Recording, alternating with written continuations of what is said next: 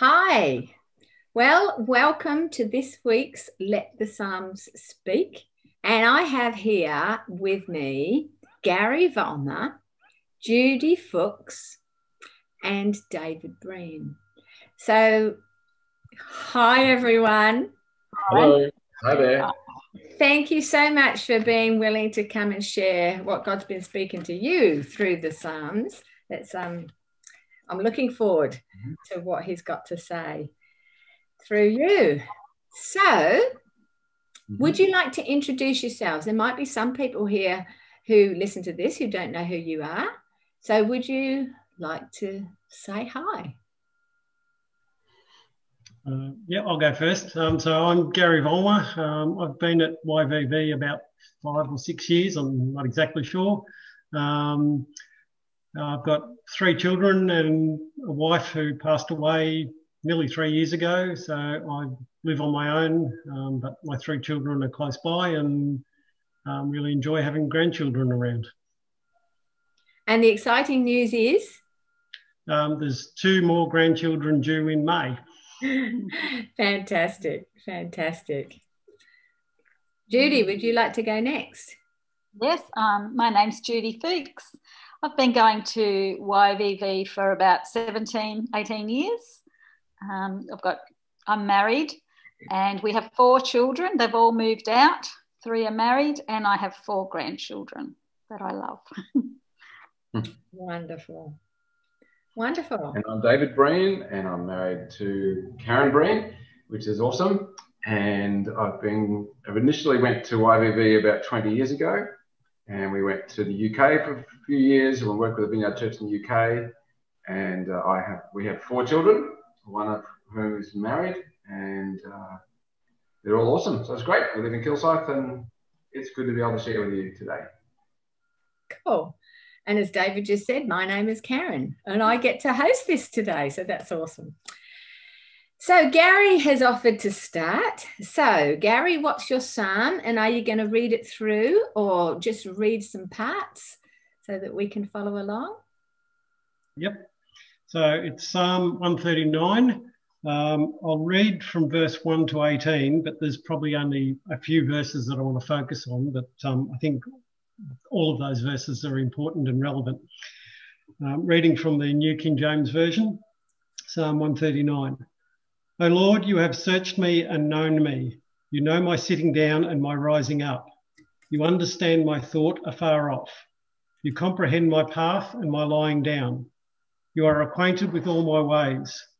For there is not one word on my tongue, but behold, O Lord, you know it altogether. You have hedged me behind and before and laid your hand upon me. Such knowledge is too wonderful for me. It is high, I cannot attain it. Where can I go from your spirit, or where can I flee from your presence? If I ascend into heaven, you are there. If I make my bed in hell, behold, you are there. If I take the wings of the morning and dwell in the uttermost parts of the sea, even there your hand shall lead me, and your right hand shall hold me. If I say, Surely the darkness shall fall on me, even the night shall be light about me. Indeed, the darkness shall not hide from you, but the night shines as the day. The darkness and the light are both alike to you. For you formed my inward parts, you covered me in my mother's womb. I will praise you, for I am fearfully and wonderfully made. Marvelous are your works, and that my soul knows very well. My frame was not hidden from you when I was made in secret and skillfully wrought in the lowest parts of the earth. Your eyes saw my substance, being yet unformed, and in your book they were all written, the days fashioned for me, when as yet there were none of them. How precious also are your thoughts to me, O God. How great is the sum of them. If I should count them, they would be more in number than the sand. When I awake, I am still with you. I won't read the rest of there's a few more verses, but I don't, won't read them. And I guess I started with thinking about verse 15, um, which says, my, it starts off with, My frame was not hidden from you. And the Hebrew word for that is otsem, O T S E M. and it means the frame of bones, the skeleton and the covering of muscular flesh, tendons and veins and arteries and nerves and skin. It's, it's our physical body. And then verse 16 goes on to say, Your eyes saw my substance being yet unformed. And that word there is actually Hebrew word golem, um, which means a wrapped up and unformed mass, like a, an embryo, a group of cells as an embryo. Hmm. Um, and I've actually wondered about the word Gollum as well in reference to Tolkien and um, mm. Lord of the Rings, that whether he actually was aware of that at the time or not, but um, it's quite likely he did, I suspect. But because wrapped up in unformed mass mm. almost explains Gollum as well. Um, so I, guess I was thinking about how we're made and, and the different parts of us from God's perspective. And um, when you think about man with the millions of hours and millions of dollars of research that they've um, put into IVF and, and those things, they, they've learnt to take a human egg, fertilise it in a test tube, grow it, and implant it back into a woman successfully to grow a, a, a human being. That's, that's a fairly impressive achievement. Um, and at some point along the way, a soul enters that, that group of cells and, and we actually become fully human.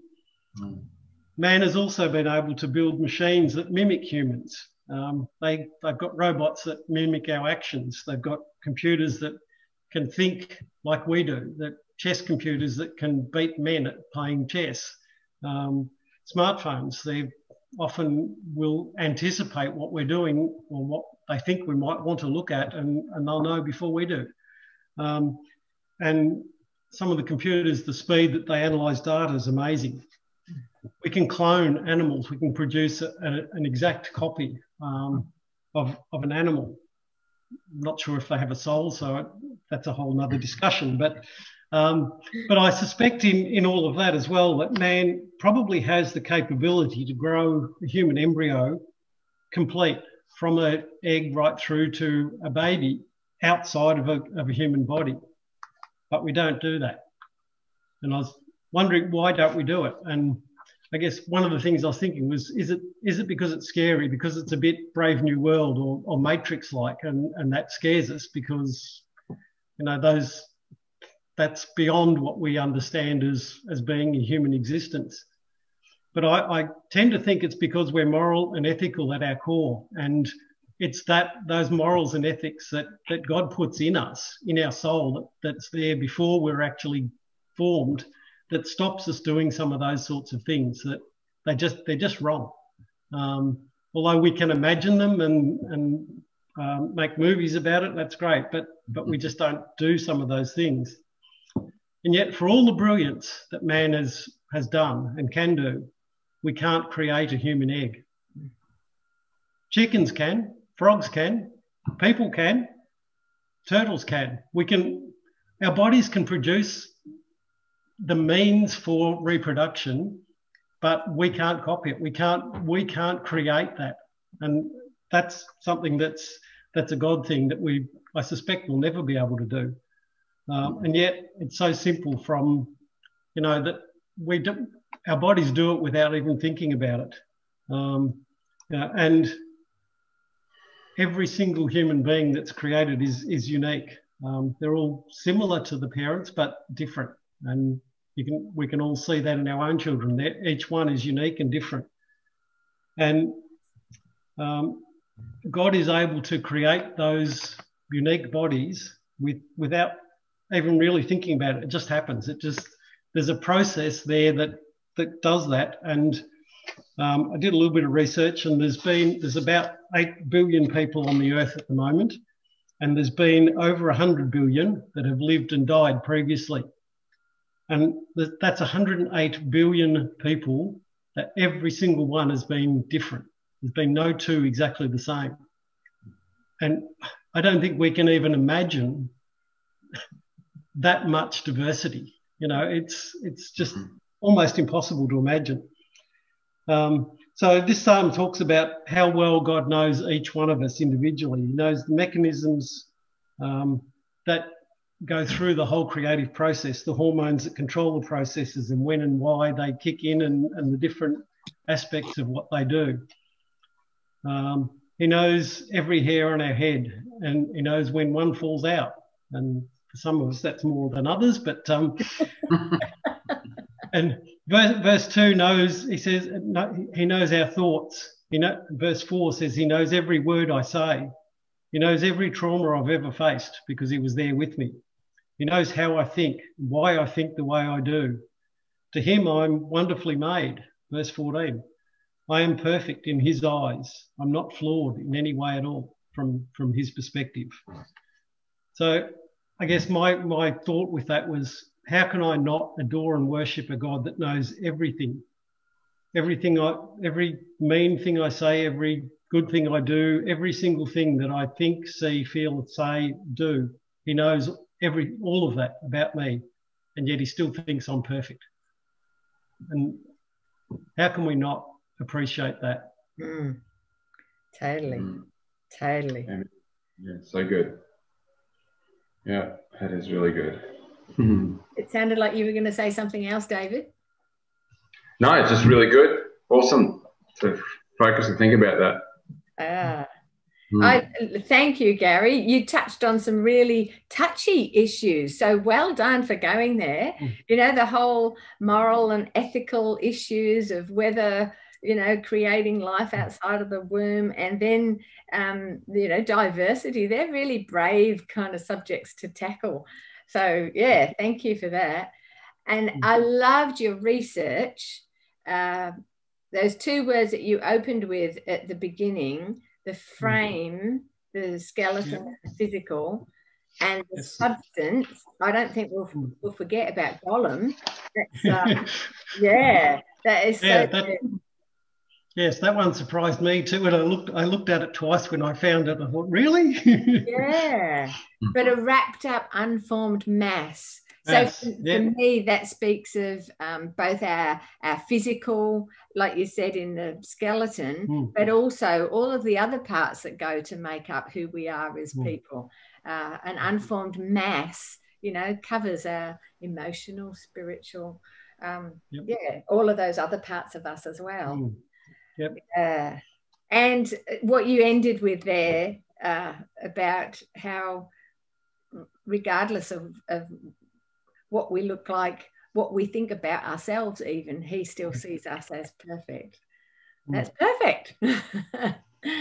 so mm. thank you. Thank you. Wonderful. So we're going to switch now and head over to Judy and uh, yep. Share. So I've chosen Psalm 5. Um, and I've just been amazed how everybody has chosen different psalms that you know are applicable to them, or, or psalms that speak to them, and they're all been different and so much um, diversity with them. So um, Psalm five's probably not one of the most well-known ones, but I'll read it first. There's only twelve verses. Give ear to my words, O Lord. Consider my sighing. Listen to my cry for help, my King and my God for to you I pray. In the morning, O Lord, you hear my voice. In the morning, I lay my requests before you and wait in expectation. You are not a God who takes pleasure in evil. With you, the wicked cannot dwell, the arrogant cannot stand in your presence. You hate all who do wrong. You destroy those who tell lies. Bloodthirsty and deceitful men, the Lord abhors. But I, by your great mercy, will come into your house. In reverence, I will bow down towards your holy temple. Lead me, O Lord, in your righteousness. Because of my enemies, make straight your way before me. Not a word from their mouth can be trusted. Their heart is filled with destruction. Their throat is an open grave. With their tongue, they speak deceit. Declare them guilty, O God. Let their intrigues be their downfall. Banish them for their many sins, for they have rebelled against you. But let all who take refuge in you be glad. Let all who take refuge in you be glad. Sorry. Let them ever sing for joy. Spread your protection over them, that those who love your name may rejoice in you. For surely, O Lord, you bless the righteous. You surround them with your favour as a shield. Um, start um, starts off with David asking God to answer his morning prayer. Um, I've often heard of people who get up really early to pray and to read the Bible. Some of the famous theologians did that, but I'm not a morning person at all. Um, my friends and family, those who've gone camping with or travelled with, will tell you that I'm usually the last out of bed. But um, I do try and pray and do a devotion when my morning starts before I get distraction, distracted by my plans for the day or before I go on social media. And I think it sets the tone for my day. Um, this psalm has also impacted me um, because David's asking God to lead him in righteousness because of his enemies who are speaking lies about him. And um, that's somewhere I've been too. Uh, I've been married for 39 years, and for 36 of those years, my husband has been um, an on the ground policeman. He's, he's not been one to want a promotion and sit behind a desk. But I didn't expect in those early years that that would mean, um, or it would be a cause for us to have enemies. There isn't a Victorian police unit that investigates corrupt police, and it's a necessary unit. And my husband has even worked there for a time. But we have had, on a couple of occasions, had them come to our house to investigate John and us because people have made untrue allegations or lies against us. When we bought the property we now live in, we were interviewed. The police came here. Someone had accused us of um, having unsubstantiated wealth. Uh, the detectives who came, they were very understanding, they were very nice. And I think when we showed them our bank loan statements, that that was not a sign of great wealth, believe me. Um, they also asked about the brand new red four wheel drive that John had. And this was long before we bought our second hand four wheel drive from my stepfather. And um, John would have loved a four wheel drive maybe not a red one. He does like to go bush bashing and on remote tracks. But um, the only chance he was getting to drive a four wheel drive whilst at work, and that's not much fun. um, but someone who knew us and who knew that we had moved, who knew, probably seen John driving this red car, had reported him to professional standards, and, and they were obliged to, to check us out and to investigate. Um, but it's very upsetting to think that someone you know has has reported you like this, that someone really hates you and hopes you get in trouble. Um, we've also had the um, internal police do a raid on our house one morning. Uh, they came early, some were at the front door and some were at the back door in case John did a runner. Um, and they were looking for a stolen item. They searched our property and our sheds. Um, they even took our phones. Uh, I got mine back after five days. John rang and said, We need the phones, but he didn't get his back for two months. The stolen item was never found at our house because we didn't have it, we didn't know anything about it. And we had no idea who, who made up these lies. And um, to be honest, I did lie awake at night sometimes wondering who it could be, why would they do this. Um, one night I did John was awake too, and I said, "Oh, I reckon it was so and so who who who's behind this." And John said, "Oh, Judy, you presume an awful lot," which is probably true. Um, he has to deal with the facts at work, not assumptions. He, he can't arrest someone unless he's got all the facts and enough facts to take them to, to court. But I did know in this situation that God knew all the facts, that I had to trust him um, in verse 3 of this psalm, after praying, David waits in expectation. He leaves it in God's hands and he waits on God to move on his behalf. And rather than obsess over the insults and threats of his enemies, he remembers God's character. God's true to his nature and will always do what's right. He is just, he's in control. And it says in Romans 28, Romans 8, verse 28, it's one of my favourite verses, that he'll work all things to the good of those who love him and accord to his purpose. I can trust him and even do as verse 11 says in this psalm. It says, as I take refuge in him, to be glad and to sing for joy. He'll bless the righteous and surround us with his favour as a shield. And I think um, his favour is, is one of the biggest blessings that he gives us. Mm. Mm. So, yeah, that's the psalm I chose. That's wonderful. Um, loved what you had to share. Thank you for being um, honest and open enough to be able to share what that's actually meant for you with feet on the ground.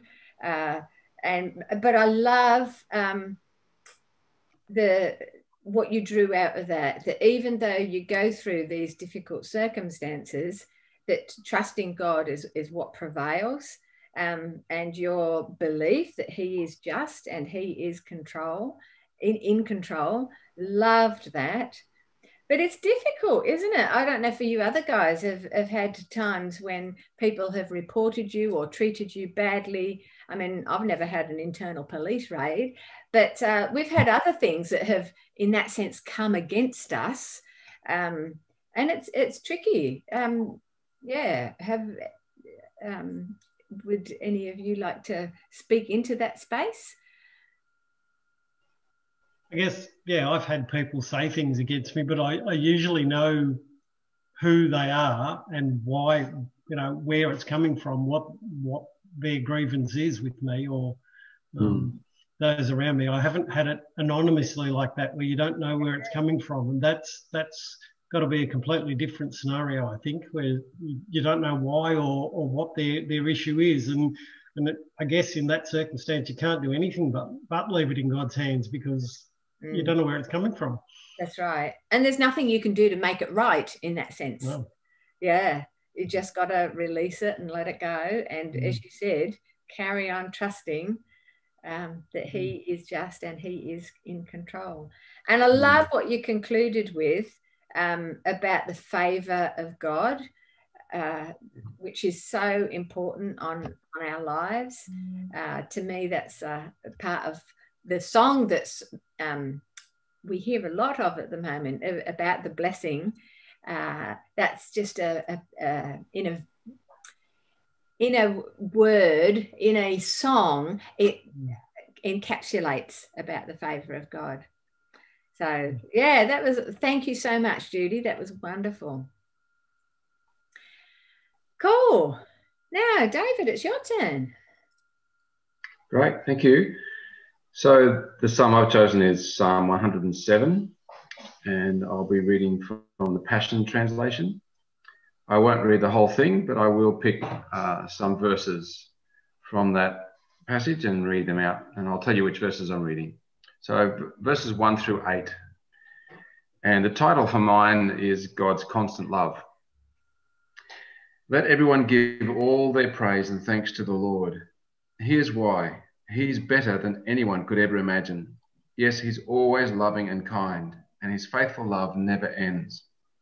So go ahead, let everyone know it. Tell the world how He broke through and delivered you from the power of darkness and has gathered us together from all over the world.